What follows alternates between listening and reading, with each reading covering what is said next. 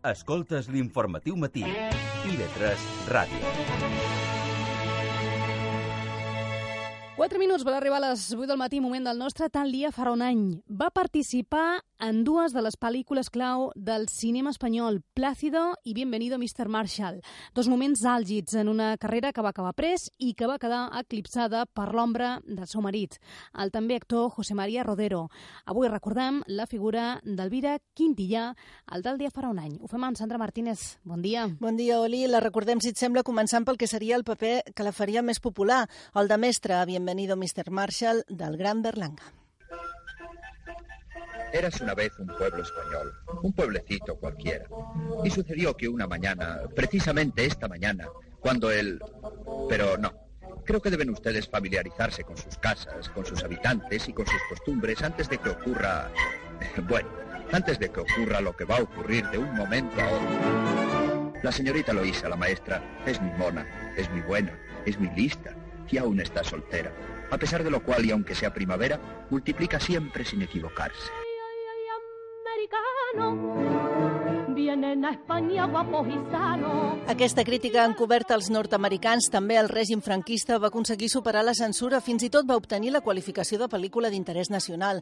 Mostrava el prototip de l'Espanya més casposa i antiga, que volia tenir bo amb els americans, sobretot amb els dobbers del Pla Marshall, que els deixaven ben plantats.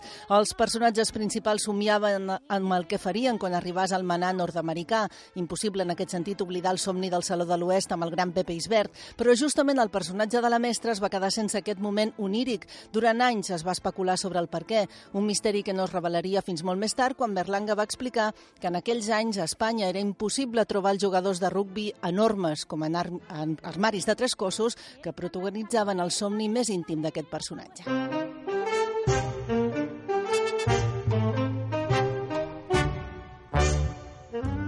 A la Emilia, ¿cenamos o qué? Yo ya no tengo ganas de nada. Claro que sí.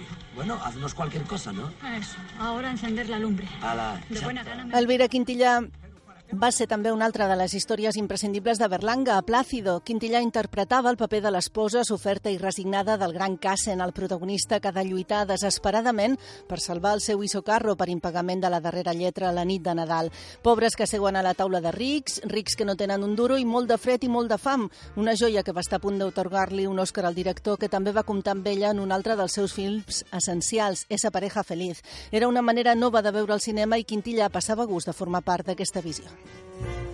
Vimos unas gentes nuevas en el cine que amaban al cine, porque lo que pasaba entonces es que la gente que hacía cine no les interesaba el cine, no les gustaba. Y estos sí, todos estos eran unos locos. A mí me gusta el cine con locura, pues allí me encontraba encantada de la vida. Y luego, bueno, pues no sé, luego pues todo se fue a la porra, no sé. Decirte, vida mía, lo que por ti... Quintillà ha provat també de fer carrera al món de la cançó. L'any 1969 es presentà al Festival de Benidorm i va guanyar el primer premi, el de millor interpretació amb aquesta cançó. El comunicando que farien extraordinàriament populars altres intèrprets com Arturo Millán o Los Cinco Latinos. Enregistraria un disc amb quatre cançons, però ben aviat va reprendre la seva carrera interpretativa, una carrera, per cert, que deixà ben pres després de casar-se amb el gran José María Rodero. Pero mi vida Si cuando llamo, si cuando llamo estás tú siempre comunicando, comunicando, comunicando, comunicando, comunicando, comunicando.